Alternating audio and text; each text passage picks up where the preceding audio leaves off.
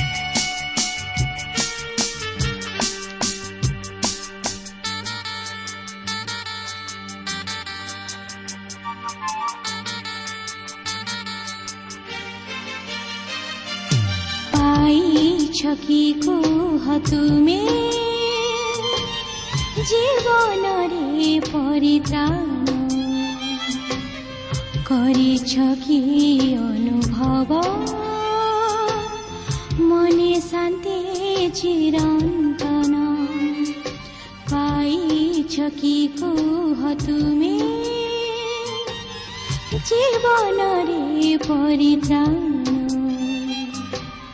କରିଛ କି ଅନୁଭବ ମନେ ଶାନ୍ତି ଚିରନ୍ତନ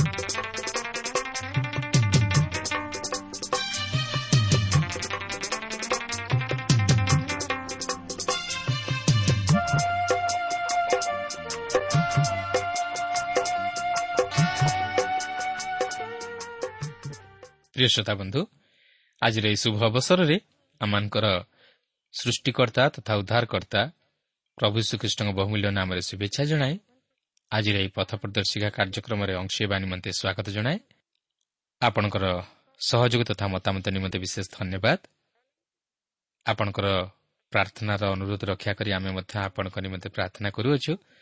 ଆଉ ସେ ପ୍ରଭୁ ଶିଶୁ ନିଶ୍ଚିତ ଭାବରେ ଆପଣଙ୍କର ସମସ୍ୟା ସମାଧାନ କରିବେ। ସେ ଆପଣଙ୍କୁ ପାପରୁ ଉଦ୍ଧାର କରି। ଅନନ୍ତ ଜୀବନର ଅଧିକାରୀ କରାଇବେ। ଆସନ୍ତୁ ତାହେଲେ ଆଜି ମଧ୍ୟ ପ୍ରଭୁଙ୍କର ବାକ୍ୟ ମଧ୍ୟ ଦେଇ ଆମେ ତାହାଙ୍କର ସ୍ୱର ଶୁଣିବା ପାଇଁ ଚେଷ୍ଟା କରିବା। ଆଉ ସେହି ବାକ୍ୟ ଅନୁଯାୟୀ ତାହାଙ୍କ ପଥରେ ଚାଲିବା ନିମନ୍ତେ ଚେଷ୍ଟା କରିବା। ଆସନ୍ତୁ ପ୍ରାର୍ଥନା କରିବା। ପ୍ରିୟ ପବିତ୍ର ପ୍ରଭୁ ତୁମର ଧନ୍ୟବାଦ କରୁଅଛୁ ଯେ ତୁମେ ଆମମାନଙ୍କୁ ପୁନର୍ବାର ସୁଯୋଗ ଦେଇଅଛ ତୁମର ବାକ୍ୟ ମଧ୍ୟ ଦେଇ ତୁମର ନିକଟବର୍ତ୍ତୀ ହେବା ପାଇଁ। ପ୍ରଭୁ ନିବେଦନ ପ୍ରାର୍ଥନା କରୁଅଛୁ ତୁମର ବାକ୍ୟ ମଧ୍ୟ ଦେଇ ତୁମେ ଆମମାନଙ୍କ ସହିତ କଥା କୁହ। ତୁମର ପବିତ୍ର ଉପସ୍ଥିତି ଆମ ପ୍ରତ୍ୟେକଙ୍କୁ ଉପଲବ୍ଧି କରିବା ପାଇଁ ଦିଅ।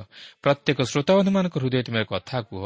ପ୍ରତ୍ୟେକଙ୍କୁ ପ୍ରଭୁ ତୁମେ ଆଶୀର୍ବାଦ କରି ପ୍ରଭୁ ତୁମର ଗୌର ମହିମା ପାଇଁ ପ୍ରଭୁ ତୁମେ ବଞ୍ଚାଅ। ଯୀଶୁଙ୍କ ନାମରେ ମାଗୁଅଛୁ। ଆମେନ୍।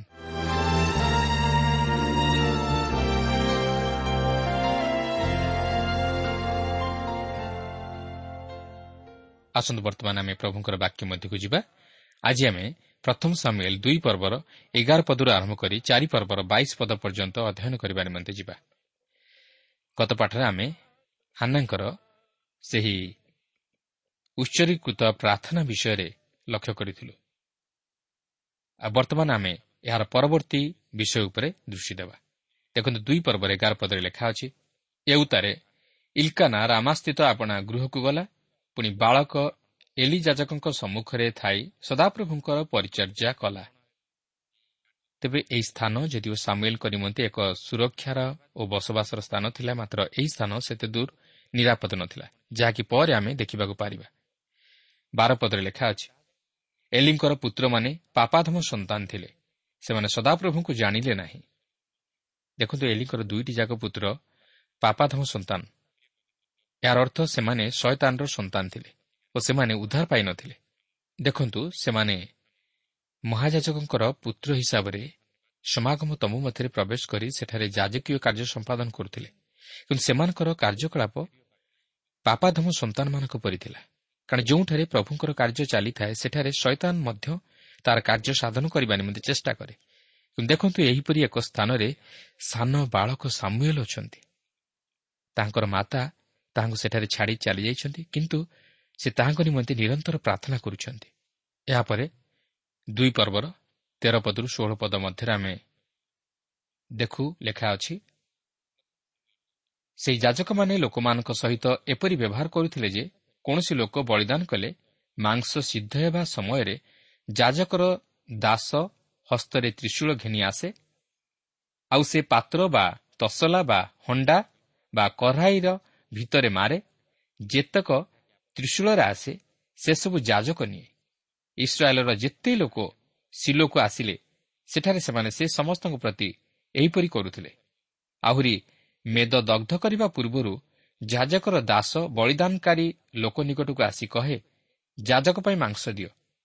କାରଣ ସେ ତୁମ୍ଭଠାରୁ ସିଦ୍ଧ ମାଂସ ନେବେ ନାହିଁ କଞ୍ଚା ନେବେ ଏଥିରେ ଯେବେ ସେ ଲୋକ ତାହାକୁ କହେ ମେଦ ଏହିକ୍ଷଣି ଦଗ୍ଧ ହେବ ତହିଁତାରେ ତୁମ୍ଭ ପ୍ରାଣ ଯେତେ ଚାହେଁ ସେତେ ନିଅ। ତେବେ ସେ ଉତ୍ତର କରେ ନାହିଁ ମାତ୍ର ଏହି ତାହା ମୋତେ ଦେବାକୁ ହେବ। ତୁମେ ନ ଦେଲେ ତାହା ବଳରେ ନେବି ଏହି ରୂପେ ସଦାପ୍ରଭୁଙ୍କ ସାକ୍ଷାତରେ ସେହି ଯୁବା ଲୋକଙ୍କର ପାପ ଅତି ଭାରି ହେଲା କାରଣ ସେହି ଲୋକମାନେ ସଦାପ୍ରଭୁଙ୍କ ନୈବେଦ୍ୟ ତୁଚ୍ଛ ଜ୍ଞାନ କଲେ।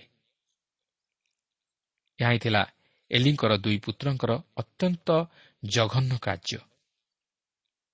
ସେମାନେ ଈଶ୍ୱରଙ୍କ ସାକ୍ଷାତରେ ପୁରାପୁରି ଅବିଶ୍ୱସ୍ତ ଥିଲେ। ସେମାନଙ୍କର ଅବିଶ୍ୱସ୍ତତାର କାର୍ଯ୍ୟ ଅନେକଙ୍କୁ ଈଶ୍ୱରଙ୍କଠାରୁ ଦୂରକୁ ନେଇଗଲା। ଇସ୍ରାଏଲ୍ ଲୋକମାନେ ତାହା ଦେଖିଲେ ଓ ଜାଣିଲେ ମଧ୍ୟ ସେମାନେ ଈଶ୍ୱରଙ୍କଠାରୁ ଦୂରବର୍ତ୍ତୀ ଜୀବନଯାପନ କଲେ।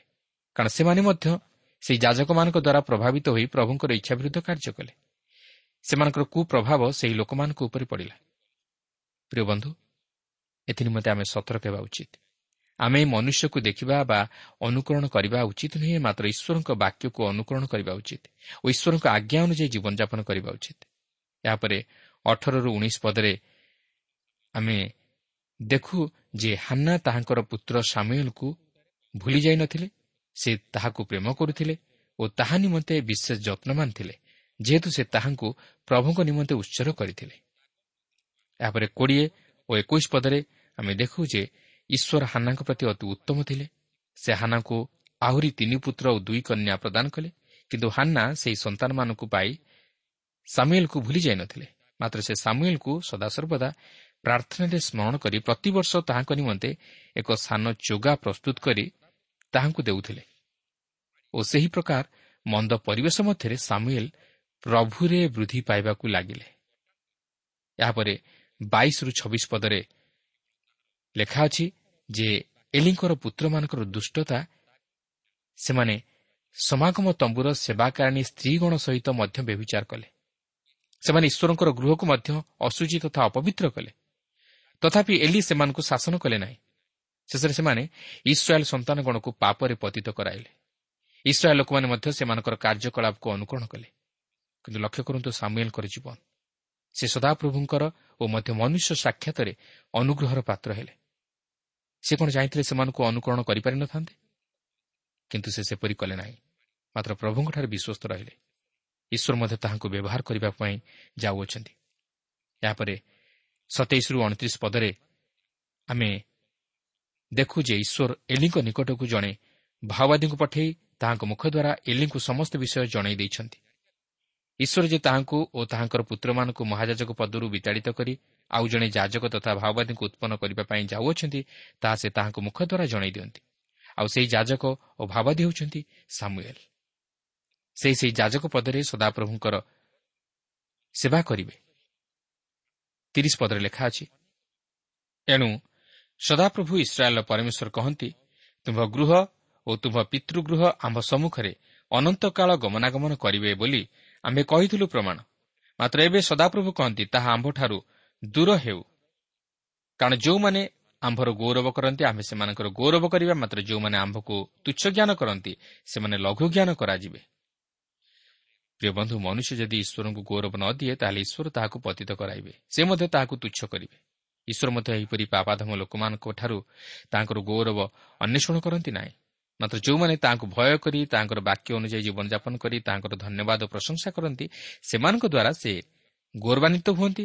ଓ ସେ ମଧ୍ୟ ସେମାନଙ୍କୁ ଉଠାନ୍ତି। ପ୍ରିୟ ବନ୍ଧୁ ଈଶ୍ୱରଙ୍କର ଅସୀମ ପ୍ରେମ ଓ ଅନୁଗ୍ରହର ପ୍ରତିବଦଳରେ ଆମେ ତାହାଙ୍କୁ କ'ଣ ଗୌରବ ଦେଇପାରିଛୁ କି? ଯଦି ଦେଇଛୁ ତାହେଲେ କିପରି ଓ କେଉଁପରି ହୃଦୟରେ? ଏହାପରେ ଏକତିରିଶରୁ ଚଉତିରିଶ ପଦରେ ଲେଖା ଅଛି ଦେଖ ଯେଉଁଦିନ ଆମ୍ଭେ ତୁମ୍ଭର ବାହୁ ଓ ତୁମ ପିତୃଗୃହର ବାହୁ କାଟି ପକାଇବା ଏପରି ଦିନ ଆସୁଅଛି। ତାହେଲେ ତୁମ୍ଭ ଗୃହରେ ଜଣେ ବୃଦ୍ଧ ଲୋକ ରହିବ ନାହିଁ। ପୁଣି ପରମେଶ୍ୱର ଇସ୍ରାଏଲ୍କୁ ଯେ ଯେ ମଙ୍ଗଳ ପ୍ରଦାନ କରିବେ ସେସବୁ ମଧ୍ୟରେ ତୁମ୍ଭେ ଆମ୍ଭ ଆବାସରେ ବିପତ୍ତି ଦେଖିବ। ଆଉ ତୁମ ଗୃହରେ କେହି କଦାପି ବୃଦ୍ଧ ହେବ ନାହିଁ।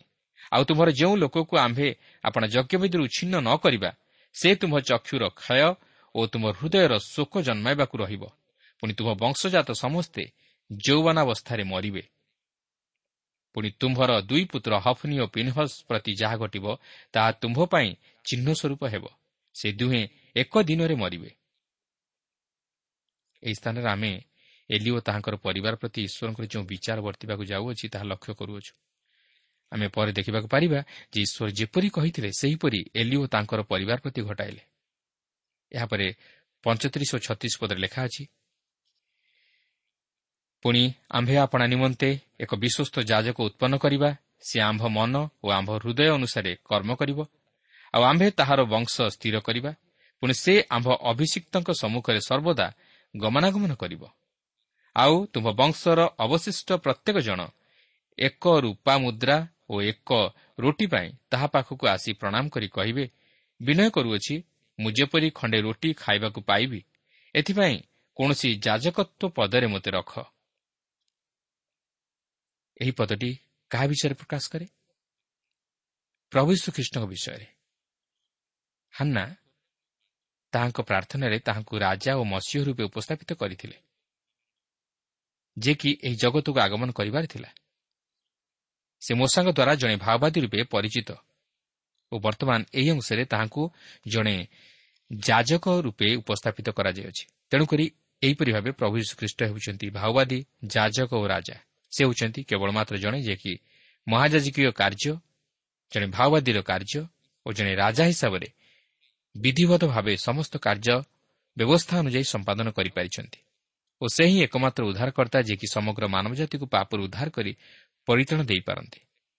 ତୁମେ ଆସୁ ମନୁଷ୍ୟମାନଙ୍କୁ ନ ଦେଖି ପ୍ରଭୁ ଯୀଶୁଖ୍ରୀଷ୍ଟଙ୍କ ପ୍ରତି ଲକ୍ଷ୍ୟ କରୁ ଓ ତାହାଙ୍କର ଆଦର୍ଶରେ ଅନୁପ୍ରାଣିତ ହେଉ ତାହେଲେ ଆମେ ଏହି ମନ୍ଦ ଜଗତରେ ଈଶ୍ୱରଙ୍କ ନିମନ୍ତେ ପବିତ୍ର ଜୀବନଯାପନ କରିବା ନିମନ୍ତେ ସମର୍ଥ ହୋଇପାରିବା ଓ ଈଶ୍ୱରଙ୍କୁ ଗୌରବାନ୍ୱିତ କରିପାରିବା। ଆସନ୍ତା ଏହାପରେ ତିନି ପର୍ବ ମଧ୍ୟକୁ ଯିବା। ଏହି ତିନି ପର୍ବର ପ୍ରଥମ ପଦରେ ଲେଖା ଅଛି ସେ ସମୟରେ ବାଳକ ସାମୁଏଲ ଏଲିଙ୍କ ସମ୍ମୁଖରେ ସଦାପ୍ରଭୁଙ୍କର ପରିଚର୍ଯା କଲେ। ସେ କାଳରେ ସଦାପ୍ରଭୁଙ୍କ ବାକ୍ୟ ଦୁର୍ଲଭ ଥିଲା ପ୍ରକାଶ୍ୟ ଦର୍ଶନ ନଥିଲା ଏଠାରେ ଯେଉଁ ବାଳକ ସାମୁଏଲ ବୋଲି ଉଲ୍ଲେଖ ହୋଇଅଛି ଏହାର ଅର୍ଥ ନୁହେଁ ଯେ ସାମୁଏଲ ଅତି ଛୋଟ ବାଳକ ଥିଲେ ମାତ୍ର ସେ ନିଶ୍ଚିତ ଭାବେ ଦଶ ବର୍ଷରୁ ଉର୍ଦ୍ଧ୍ୱ ଥିବେ। ଜୋସିଫସ୍ ନାମକ ଜଣେ ଐତିହାସିକ କହନ୍ତି ଯେ ସେ ଦଶ ବର୍ଷର ଥିଲେ। ତେବେ ସେ ଯାହା ହେଉନା କାହିଁକି ସାମୁଏଲ ଯୁବକ ଅବସ୍ଥାରେ ପଦାର୍ପଣ କରିଥିବେ କାରଣ ତାହା ନ ହୋଇଥିଲେ ସେ ସମାଗମ ତମ ମଧ୍ୟରେ ଈଶ୍ୱରଙ୍କର ସେବା କାର୍ଯ୍ୟ କରିବା ନିମନ୍ତେ ସୁଯୋଗ ପାଇପାରି ନଥାନ୍ତେ। ଲେଖା ଅଛି ସଦାପ୍ରଭୁଙ୍କ ବାକ୍ୟ ଦୁର୍ଲଭ ଥିଲା ଅର୍ଥାତ୍ ସଦାପ୍ରଭୁଙ୍କ ବାକ୍ୟର ଅଭାବ ରହିଥିଲା। ଈଶ୍ୱର ଏହି ସମୟରେ ନିଜକୁ ପ୍ରକାଶ କରିନଥିଲେ। କାରଣ ଲେଖା ଅଛି ପ୍ରକାଶ ଦର୍ଶନ ନୋହିଲା। ଯେତେବେଳେ ସେ ସାମୁଏଲ୍କୁ ଭାବାଦୀ ହେବା ନିମନ୍ତେ ଆହ୍ୱାନ କଲେ ସେତେବେଳେ ସେ ମନୁଷ୍ୟମାନଙ୍କ ମଧ୍ୟରେ ନିଜକୁ ପ୍ରକାଶିତ କରିବା ପାଇଁ ଆରମ୍ଭ କଲେ। ଈଶ୍ୱର ବିଚାରକର୍ତ୍ତା ଓ ଯାଜକମାନଙ୍କୁ ବ୍ୟବହାର କରିବା ପରିବର୍ତ୍ତେ ଭାଓବାଦୀମାନଙ୍କୁ ବ୍ୟବହାର କରିବା ପାଇଁ ଆରମ୍ଭ କଲେ। ଭାଓବାଦୀମାନେ ରାଜାମାନଙ୍କ ତରଫରୁ ବକ୍ତା ସ୍ୱରୂପେ କାର୍ଯ୍ୟ କଲେ। ତିନି ପର୍ବର ଦୁଇରୁ ଚାରି ପଦରେ ଲେଖା ଅଛି ଏହି ସମୟରେ ଏଲିଙ୍କର ଚକ୍ଷୁ ଧନ୍ଦଳା ହେବାକୁ ଲାଗିଲା ଏଣୁ ସେ ଦେଖିପାରିଲେ ନାହିଁ। ଏକଦିନ ସେ ଆପଣା ସ୍ଥାନରେ ଶୋଇଥିଲେ ଓ ପରମେଶ୍ୱରଙ୍କ ସିନ୍ଧୁକ ଯେଉଁ ସ୍ଥାନରେ ଥାଏ ଏପରି ସଦାପ୍ରଭୁଙ୍କ ମନ୍ଦିରରେ ପରମେଶ୍ୱରଙ୍କ ପ୍ରଦୀପ ଲିଭିବା ପୂର୍ବେ ଯେତେବେଳେ ସାମୁଏଲ ଶୋଇଥିଲେ ସେତେବେଳେ ସଦାପ୍ରଭୁ ସାମୁଏଲଙ୍କୁ ଡାକିଲେ। ସେ କହିଲେ ମୁଁ ଏଠାରେ ଅଛି। ଯାଜକମାନଙ୍କର କାର୍ଯ୍ୟ ଥିଲା ସମାଗମ ତମ ମଧ୍ୟରେ ପ୍ରଦୀପ ଜଳାଇବା। ସେମାନେ ତହିଁରେ ତୈଳ ଢାଳି ତାହା ଜଳାଇ ରଖିବାକୁ ଥିଲା। ଏଲି ବୃଦ୍ଧ ହୋଇଯାଇଥିଲେ। ତାଙ୍କର ଆଖିକୁ ମଧ୍ୟ କିଛି ଭଲରେ ଦେଖାଯାଉନଥିଲା ଏବଂ ପ୍ରଦୀପଟି ମଧ୍ୟ ଲିଭି ଲିଭି ଯାଉଥିଲା। କିନ୍ତୁ ଠିକ୍ ଏହି ସମୟରେ ସଦାପ୍ରଭୁ ସାମୁଏଲ୍କୁ ଡାକିଲେ। ଆଉ ସାମୁଏଲ୍ ଭାବିଛନ୍ତି ଯେ ଏଲିଜାଚକ ତାହାଙ୍କୁ ଡାକୁଅଛନ୍ତି। ତେଣୁ ସେ କହୁଛନ୍ତି ମୁଁ ଏଠାରେ ଅଛି। ପାଞ୍ଚ ଓ ଛଅ ପଦରେ ଲେଖା ଅଛି ପୁଣି ସେ ଏଲିଙ୍କ ନିକଟକୁ ଧାଇଁ ଯାଇ କହିଲେ ମୁଁ ଏଠାରେ ଅଛି ଆପଣ ମୋତେ ଡାକିଲେ ପରା? ସେ କହିଲେ ମୁଁ ଡାକି ନାହିଁ। ଫେରିଯାଇ ଶୁଅ। ତୁ ସେ ଯାଇ ଶୋଇଲେ। ଏଉତରେ ସଦାପ୍ରଭୁ ସାମୁଏଲ୍ ବୋଲି ପୁନର୍ବାର ଡାକିଲେ। ତୁ ସାମୁଏଲ୍ ଉଠି ଏଲିଙ୍କ ନିକଟକୁ ଯାଇ କହିଲେ ମୁଁ ଏଠାରେ ଅଛି।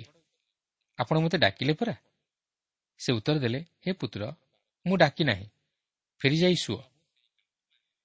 ଏଲି ଭାବିଥିଲେ ଯେ ସାମୁଏଲ୍ ବୋଧହୁଏ ସ୍ୱପ୍ନ ଦେଖୁଛନ୍ତି। ତେଣୁକରି ସେ ତାହାଙ୍କୁ କହୁଛନ୍ତି ଫେରିଯାଇ ଶୋଇପଡ଼। କିନ୍ତୁ ଆମେ ଏଠାରେ ଜାଣି ରଖିବା ଉଚିତ ଯେ ସାମୁଏଲ୍ଙ୍କ ପ୍ରତି ସଦାପ୍ରଭୁଙ୍କର ପ୍ରଥମ ଦୁଇ ଡାକ ପରିତାଣ ନିମନ୍ତେ ଡାକରା ଥିଲା। ଏହାପରେ ସାତପଦରେ ଲେଖା ଅଛି ସେ ସମୟରେ ସାମୁଏଲ୍ ସଦାପ୍ରଭୁଙ୍କର ପରିଚୟ ପାଇନଥିଲେ କେବଳ ସଦାପ୍ରଭୁଙ୍କ ବାକ୍ୟ ତାଙ୍କ ପ୍ରତି ପ୍ରକାଶିତ ହୋଇନଥିଲା ସାମୁଏଲ୍ ଏପର୍ଯ୍ୟନ୍ତ ପ୍ରଭୁଙ୍କୁ ଜାଣିନଥିଲେ। ଈଶ୍ୱର ତାହାଙ୍କୁ ପରିଚାଳନା ନିମନ୍ତେ ଡାକରା ଦେଉଥିଲେ। ତେବେ ଉତ୍ତରଦାୟିତ୍ୱ ଦେବାର ସମୟ କେବେ? ତାହା ଯେବେ ହେଉନା କାହିଁକି ସାମୁଏଲ୍ ସେହି ଉତ୍ତରଦାୟିତ୍ୱ ଦେବାର ବୟସରେ ପଦାର୍ପଣ କରିଥିଲେ ଈଶ୍ୱର ତାହାଙ୍କୁ ବର୍ତ୍ତମାନ ଦାୟିତ୍ୱ ଭାର ଅର୍ପଣ କରିବା ପାଇଁ ଯାଉଅଛନ୍ତି। ଗଣନା ପୁସ୍ତକରେ ଆମେ ଦେଖିଥିଲୁ ଯେ କୋଡ଼ିଏ ବର୍ଷ ପୂର୍ଣ୍ଣ ନ ହେଲେ ଜଣେ ଯୁଦ୍ଧ କରିବାକୁ ଯାଇପାରୁନଥିଲା। ଲେବିୟମାନେ ପଚିଶ ବର୍ଷ ବୟସ୍କ ନ ହେଲେ ସେମାନଙ୍କର ସେବା କାର୍ଯ୍ୟ ଆରମ୍ଭ କରୁନଥିଲେ ଏବଂ ଯାଜକମାନେ ତିରିଶ ବର୍ଷ ବୟସରେ କାର୍ଯ୍ୟ କରିବାକୁ ଆରମ୍ଭ କରୁଥିଲେ। ଯେତେବେଳେ ଇସ୍ରାଏଲ୍ ସନ୍ତାନଗଣ ସେମାନଙ୍କର ଅବିଶ୍ୱାସ ହେତୁ ପ୍ରାନ୍ତର ମଧ୍ୟରେ ଦୀର୍ଘଦିନ ଧରି ଭ୍ରମଣ କଲେ ସେହି ସମୟରେ ଯେଉଁମାନେ କୋଡ଼ିଏ ବର୍ଷରୁ ନ୍ୟୁନ ଥିଲେ ସେମାନଙ୍କୁ ଛାଡ଼ି ଆଉ ଯେତେ କୋଡ଼ିଏ ବର୍ଷରୁ ଉର୍ଦ୍ଧ୍ୱ ଥିଲେ ସେମାନେ ସେହି ପ୍ରାନ୍ତର ମଧ୍ୟରେ ମଲେ। କିନ୍ତୁ ସେମାନଙ୍କ ମଧ୍ୟରୁ କେବଳ ଜିଓସିଓ ଓ କାଲେବ ଇସ୍ରାଏଲ୍ର ନୂତନ ବଂଶଧରମାନଙ୍କ ସହିତ ମିଶି କିଣା ଦେଶରେ ପ୍ରବେଶ କଲେ। ତେବେ ମୁଁ ଜାଣେ ନାହିଁ ସାମୁଏଲ୍ କେତେ ବର୍ଷରେ ଥିଲେ କିନ୍ତୁ ଆମେ ଯାହା ଜାଣୁଛୁ ସେ ଏକ ଛୋଟ ବାଳକ ନଥିଲେ ମାତ୍ର ତାହାଙ୍କର ଉତ୍ତରଦାୟିତ୍ୱ ଦେବାର ସମୟରେ ପଦାର୍ପଣ କରିଥିଲେ। ତାହେଲେ କ'ଣ ଉତ୍ତରଦାୟିତ୍ୱ ଦେବାର ସମୟ କୋଡ଼ିଏ ବର୍ଷ? ହଁ ଏହା କୋଡ଼ିଏ କିମ୍ବା ତାହାଠାରୁ ଅଧିକ କିମ୍ବା କମ୍ ମଧ୍ୟ ହୋଇପାରେ। କିନ୍ତୁ ମୋର ମତରେ ଯେତେବେଳେ ମନୁଷ୍ୟର ଜ୍ଞାନର ପରିପକ୍ୱତା ଘଟେ ଓ ତାହାର ମାନସିକ ବିଚାର ବୁଦ୍ଧିର ପରିସର ବୃଦ୍ଧି ପାଏ ଓ ସେ ପାପ ପୁଣ୍ୟ ଭଲ ମନ୍ଦ ଧର୍ମ ଅଧର୍ମ ମଧ୍ୟରେ ଥିବା ପ୍ରଭେଦକୁ ବୁଝିପାରେ ସେହି ସମୟରେ ସେ ତାହାର ସମସ୍ତ ବିଷୟ ନିମନ୍ତେ ଉତ୍ତରଦାୟୀ ଏହା କୋଡ଼ିଏ ବର୍ଷରେ ଘଟିପାରେ କିମ୍ବା ତହିଁ ପୂର୍ବରୁ ଘଟିପାରେ ବା ତହିଁ ପରେ ଘଟିପାରେ। ଏହାପରେ ଆଠରୁ ଦଶ ପଦ ମଧ୍ୟରେ ଆମେ ଦେଖୁ ଯେ ସାମୁଏଲ୍ଙ୍କୁ ସଦାପ୍ରଭୁ ତୃତୀୟ ଓ ଚତୁର୍ଥ ହେବାର ଡାକରା ଦିଅନ୍ତି ଓ ଏହି ଡାକରା ତାହାଙ୍କର ସେବା ନିମନ୍ତେ ଥିଲା। ଏହାପରେ ଏଗାରରୁ ଚଉଦ ପଦରେ ଆମେ ଦେଖୁ ଯେ ବାସ୍ତବରେ ଈଶ୍ୱର ଯାହା କହିଥାନ୍ତି ତାହା ଯେ ସଫଳ କରିଥାନ୍ତି ତାହା ଆମେ ଏହି ଏଲିଙ୍କ ଘଟଣାରୁ ଜାଣିବାକୁ ପାରୁଅଛୁ। ଏଲି ଓ ତାଙ୍କର ପରିବାର ପ୍ରତି ଯାହା ଯାହା ଘଟିବ ବୋଲି ପୂର୍ବରୁ ଜଣେ ଅଜଣା ଭାବନିକ ଦ୍ୱାରା ପ୍ରକାଶ କରିଥିଲେ ତାହା ଯେ ସେ ପ୍ରକୃତରେ ଘଟାଇବାକୁ ଯାଉଅଛନ୍ତି ସେ ବିଷୟରେ ସାମୁଏଲ୍ଙ୍କୁ ସ୍ପଷ୍ଟ ଜଣାଇ ଦିଅନ୍ତି। ଓ ସାମୁଏଲ୍ ମଧ୍ୟ ଏଲିଙ୍କ ନିକଟରେ ରହି ସେବା କାର୍ଯ୍ୟ କରୁଥିବାରୁ ଏଲି ସେହି ବିଷୟରେ ସାମୁଏଲ୍ଙ୍କଠାରୁ ଜାଣିବା ନିମନ୍ତେ ଚାହିଁବାରୁ ସାମୁଏଲ୍ ମଧ୍ୟ କୌଣସି କଥା ଗୁପ୍ତ ନ ରଖି ସମସ୍ତ ବିଷୟ ତାହାଙ୍କୁ ଜଣାଇଦେଲେ। ଏଠାରେ ଆମେ ସାମୁଏଲ୍ଙ୍କର ଜୀବନରେ ତାହାଙ୍କର ଉପରିସ୍ଥମାନଙ୍କ ପ୍ରତି ବିଶ୍ୱସ୍ତତାର କାର୍ଯ୍ୟକୁ ଦେଖୁଅଛୁ। ସେ ଏଲିଙ୍କଠାରୁ କୌଣସି ବିଷୟ ଗୁପ୍ତ ରଖିନଥିଲେ ମାତ୍ର ସମସ୍ତ ବିଷୟ ଜଣାଇ ଦେଇଥିଲେ।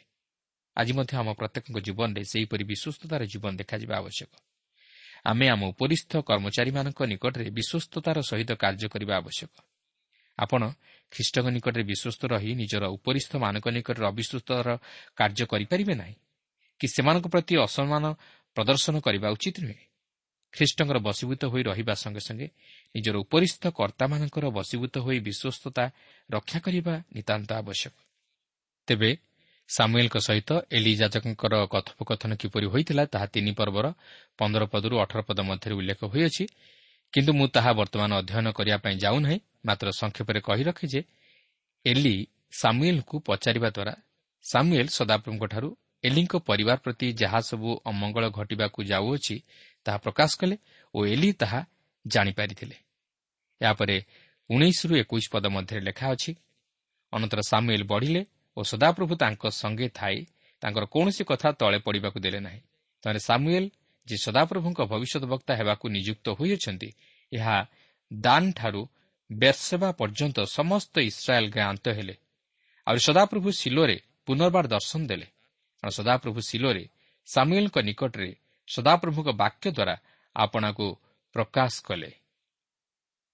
ତେବେ ଈଶ୍ୱର କିପରି ଆପଣଙ୍କୁ ପ୍ରକାଶ କଲେ? ସଦାପ୍ରଭୁଙ୍କ ବାକ୍ୟ ଦ୍ୱାରା। ଈଶ୍ୱର ଆଜି ମଧ୍ୟ ତାହାଙ୍କ ବାକ୍ୟ ଦ୍ୱାରା ନିଜକୁ ପ୍ରକାଶ କରୁଅଛନ୍ତି।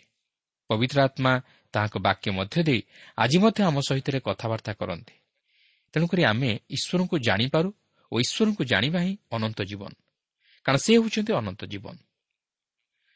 ତେଣୁ ତାହାଙ୍କୁ ଜାଣିଲେ ଆମେ ଅନନ୍ତ ଜୀବନରେ ପ୍ରବେଶ କରିପାରିବା। ଆଉ ତାହା କେବଳ ଖ୍ରୀଷ୍ଟଙ୍କ ମାଧ୍ୟମରେ। କାରଣ ପ୍ରଭୁ ଯୀଶୁ ନିଜେ କହନ୍ତି ଈଶ୍ୱର ଯାହାକୁ ପ୍ରେରଣ କରିଅଛନ୍ତି ତାହାଙ୍କଠାରେ ବିଶ୍ୱାସ କରିବା ହିଁ ଅନନ୍ତ ଜୀବନ। ଆମେ ପ୍ରତ୍ୟେକ ସେହି ପ୍ରଭୁ ଯୀଶୁଖ୍ରୀଷ୍ଟଙ୍କଠାରେ ବିଶ୍ୱାସ କରିବା ଦ୍ୱାରା ଅନନ୍ତ ଜୀବନ ଲାଭ କରିପାରିବା। ତେବେ ଏହିଠାରେ ଆମେ ପ୍ରଥମ ସାମିଲ ତିନି ପର୍ବଟି ଅଧ୍ୟୟନ କରି ସମାପ୍ତ କଲୁ। ମାତ୍ର ଏହାପରେ ଆମେ ଚାରି ପର୍ବଟିକୁ ଅଧ୍ୟୟନ କରିବାକୁ ଯିବା। ଏହି ଚାରି ପର୍ବଟି ଅତି କୌତୁହଳପୂର୍ଣ୍ଣ। କାରଣ ଈଶ୍ୱର ଏଲି ଓ ତାହାଙ୍କର ପରିବାର ପ୍ରତି ଯାହା ଅମଙ୍ଗଳ ଘଟାଇବ ବୋଲି ପ୍ରକାଶ କରିଥିଲେ ତାହା ଏହି ପର୍ବରେ ସଫଳ ହୋଇଥିବାର ଆମେ ଲକ୍ଷ୍ୟ କରିବାକୁ ପାରିବା। ଏଥିସହିତ ଆମେ ଦେଖିବାକୁ ପାରିବା ଯେ ଇସ୍ରାଏଲ୍ ସାମୁଏଲ୍ଙ୍କର ପରାମର୍ଶ ନ ନେଇ ପଲେଷ୍ଟିୟମାନଙ୍କ ବିରୁଦ୍ଧରେ ଯୁଦ୍ଧ କରିବା ନିମନ୍ତେ ଆଗେଇ ଗଲେ ଯଦ୍ୱାରା ସେମାନେ ପରାସ୍ତ ହେଲେ। ଏହାପରେ ସେମାନେ ନିୟମ ସିନ୍ଧୁକକୁ ଯୁଦ୍ଧଭୂମିକୁ ଆଣିଲେ ଭାବିଲେ ଯେ ସେହି ନିୟମ ସିନ୍ଧୁକର ଉପସ୍ଥିତି ସେମାନଙ୍କୁ ଯୁଦ୍ଧରେ ଜୟ ପ୍ରଦାନ କରାଇବ। ଏହା ହେଉଛି ଅନ୍ଧବିଶ୍ୱାସ ଯେ ଲୋକେ ଭାବନ୍ତି କୌଣସି ବସ୍ତୁ ମଧ୍ୟରେ ବିଶେଷ ଐଶ୍ୱରିକ ଶକ୍ତି ରହିଅଛି କିନ୍ତୁ ତାହା ଭୁଲ। ସେହି ନିୟମ ସିନ୍ଧୁକ ଧରାଗଲା। ଏଲିଙ୍କର ଦୁଇ ପୁତ୍ର ମଧ୍ୟ ଯୁଦ୍ଧରେ ହତ ହେଲେ ଏବଂ ଏଲି ସେହି ସମ୍ବାଦ ଶୁଣି ମୃତ୍ୟୁବରଣ କଲେ। ଆସନ୍ତୁ ସେହିସବୁ ଘଟଣାଗୁଡ଼ିକ ଉପରେ ସଂକ୍ଷେପରେ ଆଲୋଚନା କରି ତହିଁରୁ ଆମର ଆତ୍ମିକ ଜୀବନ ନିମନ୍ତେ କିଛି ଶିକ୍ଷା ଗ୍ରହଣ କରିବା। ତେବେ ଏହି ସମୟ ଥିଲା ଇସ୍ରାଏଲ୍ ଜାତି ନିମନ୍ତେ ଏକ ଅନ୍ଧକାରର ସମୟ। ସେମାନେ ଆତ୍ମିକ ଜୀବନରେ ତଳକୁ ଖସି ଯାଇଥିଲେ। ଈଶ୍ୱର ଏଲିର ବଂଶ ପ୍ରତି ଯାହା ଘଟାଇବା ନିମନ୍ତେ ପ୍ରକାଶ କରିଥିଲେ ତାହା ସେ ବର୍ତ୍ତମାନ ଘଟାଇବାକୁ ଯାଉଅଛନ୍ତି। ଚାରିପର୍ବର ପ୍ରଥମ ତିନି ପଦରେ ଆମେ ଦେଖୁ ଆଉ ସାମୁଏଲ୍ଙ୍କ କଥା ସମସ୍ତ ଇସ୍ରାଏଲ୍ ମଧ୍ୟରେ ପ୍ରଚଳିତ ହେଲା। ଅନନ୍ତର ଇସ୍ରାଏଲ୍ ପଲେଷ୍ଟିୟମାନଙ୍କ ବିରୁଦ୍ଧରେ ଯୁଦ୍ଧ କରିବାକୁ ବାହାରି ଏବ ନିଜର ନିକଟରେ ଛାଉଣି ସ୍ଥାପନ କଲେ ଓ ପଲେଷ୍ଟିୟମାନେ ଅଫେକରେ ଛାଉଣି ସ୍ଥାପନ କଲେ। ତେଣୁ ପଲେଷ୍ଟିୟମାନେ ଇସ୍ରାଏଲ୍ ବିରୁଦ୍ଧରେ ଆପଣାମାନଙ୍କୁ ସଜାଇଲେ ପୁଣି ସେମାନେ ଯୁଦ୍ଧରେ ଲାଗନ୍ତେ ଇସ୍ରାଏଲ୍ ପଲେଷ୍ଟିୟମାନଙ୍କ ସମ୍ମୁଖରେ ପରାଜିତ ହେଲେ ଓ ସେମାନେ ସେହି ଯୁଦ୍ଧକ୍ଷେତ୍ରସ୍ଥ ସୈନ୍ୟ ମଧ୍ୟରୁ ଉଣାଧିକ ଚାରି ସହସ୍ର ଲୋକ ବଧ କଲେ। ତେଣୁ ଲୋକମାନେ ଛାଉଣିକି ଆସନ୍ତେ ଇସ୍ରାଏଲ୍ର ପ୍ରାଚୀନ ବର୍ଗ କହିଲେ ସଦାପ୍ରଭୁ ଆଜି ପଲେଷ୍ଟିୟମାନଙ୍କ ସମ୍ମୁଖରେ ଆମମାନଙ୍କୁ କିଏ ତୁ ପରାସ୍ତ କଲେ? ଆସ ଯେପରି ସଦାପ୍ରଭୁଙ୍କ ନିୟମ ସିନ୍ଧୁକ ଆମମାନଙ୍କ ମଧ୍ୟକୁ ଆସି ଆମମାନଙ୍କ ଶତ୍ରୁଗଣ ହସ୍ତରୁ ଆମମାନଙ୍କୁ ରକ୍ଷା କରିବ ଏଥିପାଇଁ ଆମମାନେ ସିଲୋରୁ ତାହା ଆପଣାମାନଙ୍କ ନିକଟକୁ ଆଣୁ। ଏହି ଅଂଶରେ ଆମେ ଲକ୍ଷ୍ୟ କରୁଛୁ ଯେ ଇସ୍ରାଏଲ୍ ସନ୍ତାନଗଣର ଅନ୍ଧବିଶ୍ୱାସ ଓ ଆତ୍ମନିର୍ଭରଶୀଳତାର ଜୀବନ। ସେମାନେ ଈଶ୍ୱରଙ୍କ ଉପରେ ନିର୍ଭର ନ କରି ଓ ଈଶ୍ୱରଙ୍କର ଇଚ୍ଛା ନ ଲୋଡ଼ି ଯୁଦ୍ଧ କରିବାକୁ ଗଲେ ଫଳରେ ସେମାନେ ବିଫଳତାର ସମ୍ମୁଖୀନ ହେଲେ। ସେମାନେ ଭାବିଲେ ଯେ କେଜାଣି ନିୟମ ସିନ୍ଧୁକ ସେମାନଙ୍କ ସହିତ ରହିଲେ ସେମାନେ ଯୁଦ୍ଧରେ ଜୟୀ ହେବେ। କାରଣ ସେହି ନିୟମ ସିନ୍ଧୁକକୁ ବାହି ସେମାନେ ଯେତେବେଳେ ସେହି ଜର୍ଦ୍ଦ ନଦୀର ଜଳରେ ପାଦ ଦେଲେ ସେତେବେଳେ ସେହି ଜଳ ଦୁଇ ଭାଗ ହୋଇଗଲା ଓ ଇସ୍ରାଏଲ୍ ସନ୍ତାନଗଣ ସେହି ନଦୀ ପାର ହୋଇଗଲେ। କିନ୍ତୁ ସେହି ଆଶ୍ଚର୍ଯ୍ୟ ଶକ୍ତିର କାର୍ଯ୍ୟ ଯେ ଈଶ୍ୱରଙ୍କ ଉପସ୍ଥିତି ଓ ତାହାଙ୍କର ବ୍ୟକ୍ତିତ୍ୱ ମଧ୍ୟରେ ଥିଲା ତାହା ସେମାନେ ବୁଝିପାରି ନଥିଲେ। ସେମାନେ ସେହି ନିୟମ ସିନ୍ଧୁକରେ ଥିଲା ବୋଲି ଭାବୁଥିଲେ। କିନ୍ତୁ ନିୟମ ସିନ୍ଧୁକ ମଧ୍ୟ ଦେଇ ଈଶ୍ୱରଙ୍କ ଉପସ୍ଥିତି ଓ ତାହାଙ୍କର ବ୍ୟକ୍ତିତ୍ୱ ଯେ କାର୍ଯ୍ୟ ସାଧନ କରୁଥିଲା ତାହା ସେମାନେ ଭଲ ଭାବେ ବୁଝିପାରି ନଥିଲେ କିନ୍ତୁ ସେହି ନିୟମ ସିନ୍ଧୁକକୁ ସେମାନେ ଯୁଦ୍ଧକ୍ଷେତ୍ରକୁ ଆଣିବା ଦ୍ୱାରା ବିଜୟୀ ହେବେ ବୋଲି ଭାବି ତାହା ଆଣିଲେ ମାତ୍ର ଈଶ୍ୱରଙ୍କ ଉପସ୍ଥିତି ତହିଁ ମଧ୍ୟରେ ନଥିଲା ତାଛଡ଼ା ସେମାନେ ନିୟମ ସିନ୍ଧୁକକୁ ସେପରି ଆଣିବା ଦ୍ୱାରା ମଧ୍ୟ ଈଶ୍ୱରଙ୍କର ବିରୁଦ୍ଧାଚରଣ କାର୍ଯ୍ୟ କରିଥିଲେ ଯେହେତୁ ଏହା ପବିତ୍ର ସ୍ଥାନରୁ ବା ଈଶ୍ୱରଙ୍କ ଆବାସ ମଧ୍ୟରୁ ଯେପରି ସ୍ଥାନାନ୍ତରିତ ନ ହୁଏ ଏଥିନିମନ୍ତେ ଈଶ୍ୱର ସେମାନଙ୍କୁ ଆଦେଶ ଦେଇଥିଲେ। ପ୍ରିୟ ବନ୍ଧୁ ସେହି ନିୟମ ସିନ୍ଧୁକର କୌଣସି ଶକ୍ତି ନଥିଲା। ମାତ୍ର ଈଶ୍ୱରଙ୍କର ଉପସ୍ଥିତି ତହିଁ ମଧ୍ୟ ଦେଇ କାର୍ଯ୍ୟ ସାଧନ କରୁଥିଲା। କିନ୍ତୁ ଈଶ୍ୱରଙ୍କ ଉପସ୍ଥିତି ତହିଁ ମଧ୍ୟରେ ନଥିବାରୁ ଅର୍ଥାତ୍ ଈଶ୍ୱରଙ୍କ ଉପସ୍ଥିତି ସେମାନଙ୍କ ମଧ୍ୟରେ ନଥିବାରୁ ସେମାନେ ବିଫଳ ହେଲେ। ଏହାପରେ ଚାରି ଓ ପାଞ୍ଚ ପଦରେ ଆମେ ଲକ୍ଷ୍ୟ କରୁ ଯେ ହଫ୍ନି ଓ ପିନ୍ହସ୍ ସେହି ନିୟମ ସିନ୍ଧୁକର ତତ୍ତ୍ୱାବଧାନ ଦାୟିତ୍ୱରେ ଥିଲେ ତେଣୁକରି ସେହି ନିୟମ ସିନ୍ଧୁକ ସହିତ ସେମାନେ ବି ଯୁଦ୍ଧକ୍ଷେତ୍ରକୁ ଆସିଲେ। କିନ୍ତୁ ଇସ୍ରାଏଲ୍ ବାସ୍ତବରେ ଈଶ୍ୱରଙ୍କ ଉଦ୍ଦେଶ୍ୟରେ ଜୟଧ୍ୱନି କଲେ ନାହିଁ। ମାତ୍ର ନିୟମ ସିନ୍ଧୁକ ନିମନ୍ତେ ଜୟଧ୍ୱନି କଲେ। ସେମାନେ ଈଶ୍ୱରଙ୍କୁ ପୂଜା କଲେ ନାହିଁ ମାତ୍ର ନିୟମ ସିନ୍ଧୁକକୁ ପୂଜା କଲେ। ଏହା ପ୍ରତିମା ପୂଜା ବ୍ୟତୀତ ଅନ୍ୟ କିଛି ନଥିଲା। ଏହା ପ୍ରତିମା ପୂଜା ସହିତ ସମାନ ଥିଲା। ପ୍ରିୟ ବନ୍ଧୁ ଆଜି ଆମମାନେ ବାସ୍ତବରେ କାହାକୁ ଗୌରବ ଦେଉଛୁ? ଆଜି ଆମେ ଈଶ୍ୱରଙ୍କ ସୃଷ୍ଟ ବିଷୟକୁ ବା ଉପାସନାର ପଦ୍ଧତିକୁ ବା କୌଣସି ମନ୍ଦିରକୁ ବା ତୀର୍ଥସ୍ଥାନକୁ ଈଶ୍ୱର ବୋଲି ଭାବୁଛୁ ନା ବାସ୍ତବରେ ଈଶ୍ୱରଙ୍କ ଉପସ୍ଥିତିକୁ ନିଜ ଜୀବନରେ ଲୋଡ଼ି ଈଶ୍ୱରଙ୍କର ଉପାସନା କରିବା ପାଇଁ ଚେଷ୍ଟା କରୁଛୁ? ଯଦି ଈଶ୍ୱରଙ୍କ ଉପସ୍ଥିତି ତାହାଙ୍କର ସୃଷ୍ଟ ମନୁଷ୍ୟମାନଙ୍କ ମଧ୍ୟରେ ନଥାଏ ତାହେଲେ ତାହା କିପରି ଅନ୍ୟ ବିଷୟ ମଧ୍ୟରେ ରହିବ? ତେଣୁ ଅନ୍ଧବିଶ୍ୱାସରେ ଆଉ ପରିଚାଳିତ ନ ହୋଇ ଈଶ୍ୱରଙ୍କ ଉପସ୍ଥିତିକୁ ପ୍ରଥମେ ନିଜ ଜୀବନରେ ଉପଲବ୍ଧି କରିବା ପାଇଁ ଚେଷ୍ଟା କରୁ। ଏହାପରେ ଛଅରୁ ଆଠ ପଦରେ ଆମେ ଦେଖୁ ଯେ ପଲେଷ୍ଟିୟମାନେ ଜାଣିବାକୁ ପାରିଲେ ଯେ ନିୟମ ସିନ୍ଧୁକ ଇସ୍ରାଏଲ୍ ଛାଉଣି ମଧ୍ୟକୁ ଆସିଅଛି ତେଣୁକରି ସେମାନେ ଭୟ ପାଇଲେ କାରଣ ସେମାନେ କହିଲେ ଯେ ପରମେଶ୍ୱର ଛାଉଣିକି ଆସିଅଛନ୍ତି। ଦେଖନ୍ତୁ ସେମାନେ ମଧ୍ୟ ଅନ୍ଧବିଶ୍ୱାସରେ ପରିଚାଳିତ ହୋଇ ସେହି ସିନ୍ଧୁକକୁ ଈଶ୍ୱର ବୋଲି ମାନୁଥିଲେ କାରଣ ସେମାନେ ସତ୍ୟ ଓ ଜୀବନ୍ତ ଈଶ୍ୱରଙ୍କର ପରିଚୟ ପାଇନଥିଲେ ଏହାପରେ ଚାରିପର୍ବର ବାର ପଦରୁ ଆରମ୍ଭ କରି ବାଇଶ ପଦ ମଧ୍ୟରେ ଆମେ ଦେଖୁ ଯେ ଏଲି ମଲେ ଓ ତାହାଙ୍କର ଦୁଇ ପୁତ୍ର ମଧ୍ୟ ମଲେ ଓ ନିୟମ ସିନ୍ଧୁକ ପଲେଷ୍ଟିୟମାନଙ୍କ ଦ୍ୱାରା ଧରା ହୋଇଯିବାରୁ ଇସ୍ରାଏଲ୍ ମଧ୍ୟରୁ ପ୍ରତାପ କଲା। ଦେଖନ୍ତୁ ଏଲି ମହାଯାଜକ ଥିଲେ ଓ ଈଶ୍ୱରଙ୍କର ବିଷୟ ପ୍ରତି ବିଶେଷ ଚିନ୍ତିତ ଥିଲେ। ଯେତେବେଳେ ସେ ନିଜର ଦୁଇ ପୁତ୍ରଙ୍କର ମୃତ୍ୟୁ ବିଷୟ ନେଇ ଶୁଣିଲେ ସେତେବେଳେ ସେ ନିଜକୁ କୌଣସି ପ୍ରକାରେ ସମ୍ଭାଳି ନେଲେ। ମାତ୍ର ସେ ଯେତେବେଳେ ଶୁଣିଲେ ଯେ ନିୟମ ସିନ୍ଧୁକ ଶତ୍ରୁ ହସ୍ତରେ ଧରା ହୋଇଗଲା ସେହି ସମ୍ବାଦ ଶୁଣିବା ମାତ୍ରେ ସେ ସେହିଠାରେ ପଡ଼ି ମଲେ। ତେବେ ଯଦିଓ ତାହାଙ୍କ ଜୀବନରେ ଦୁର୍ବଳତା ଥିଲା ମାତ୍ର ସେ ପ୍ରକୃତରେ ଜଣେ ଈଶ୍ୱରଙ୍କ ଲୋକ ଥିଲେ। ତେବେ ଏଲିଙ୍କର ମୃତ୍ୟୁ ପରେ ସାମୁଏଲ୍ ଈଶ୍ୱରଙ୍କ ବକ୍ତା ସ୍ୱରୂପେ ସେହି ପଦରେ ନିଯୁକ୍ତି ପାଇଲେ। ପ୍ରିୟ ବନ୍ଧୁ ଈଶ୍ୱରଙ୍କ ବିଚାର ଅତି ଭୟଙ୍କର। ଈଶ୍ୱର ଦୀର୍ଘ ସହିଷ୍ଣୁ ମାତ୍ର ଚିର ସହିଷ୍ଣୁ ନୁହନ୍ତି। ସେ ସୁଯୋଗ ଦେଇଥାନ୍ତି ଅନୁତାପ କରି ଫେରି ଆସିବା ପାଇଁ।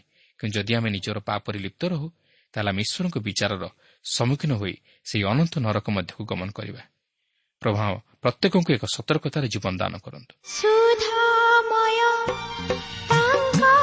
সরা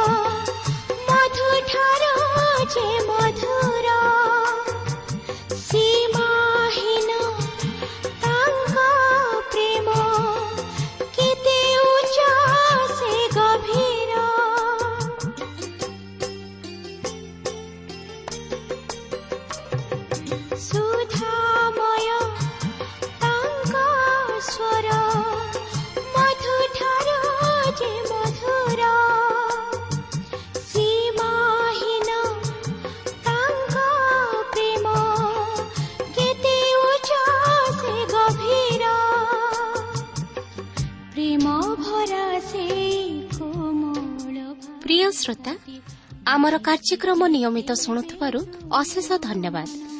ଆପଣ ଏହି କାର୍ଯ୍ୟକ୍ରମ ଶୁଣିବା ଦ୍ୱାରା ଆତ୍ମିକ ଜୀବନରେ ଉପକୃତ ହୋଇପାରିଥିବେ ବୋଲି ଆମର ବିଶ୍ୱାସ। ପ୍ରଭୁ ଯୀଶୁଙ୍କ ବିଷୟରେ ଅଧିକ ଜାଣିବାର ଆଗ୍ରହ ଥିଲେ ଅଥବା ଉପାଦେୟ ପୁସ୍ତକର ଆବଶ୍ୟକ ଥିଲେ ଆମ ସହ ଯୋଗାଯୋଗ କରନ୍ତୁ।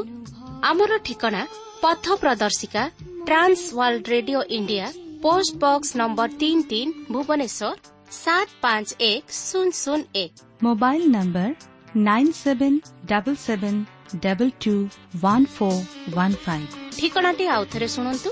ପଥ ପ୍ରଦର୍ଶିକା Trans World Radio India post box number three three Bhubaneswar seven five one zero zero one mobile number nine seven double seven double two one four one five.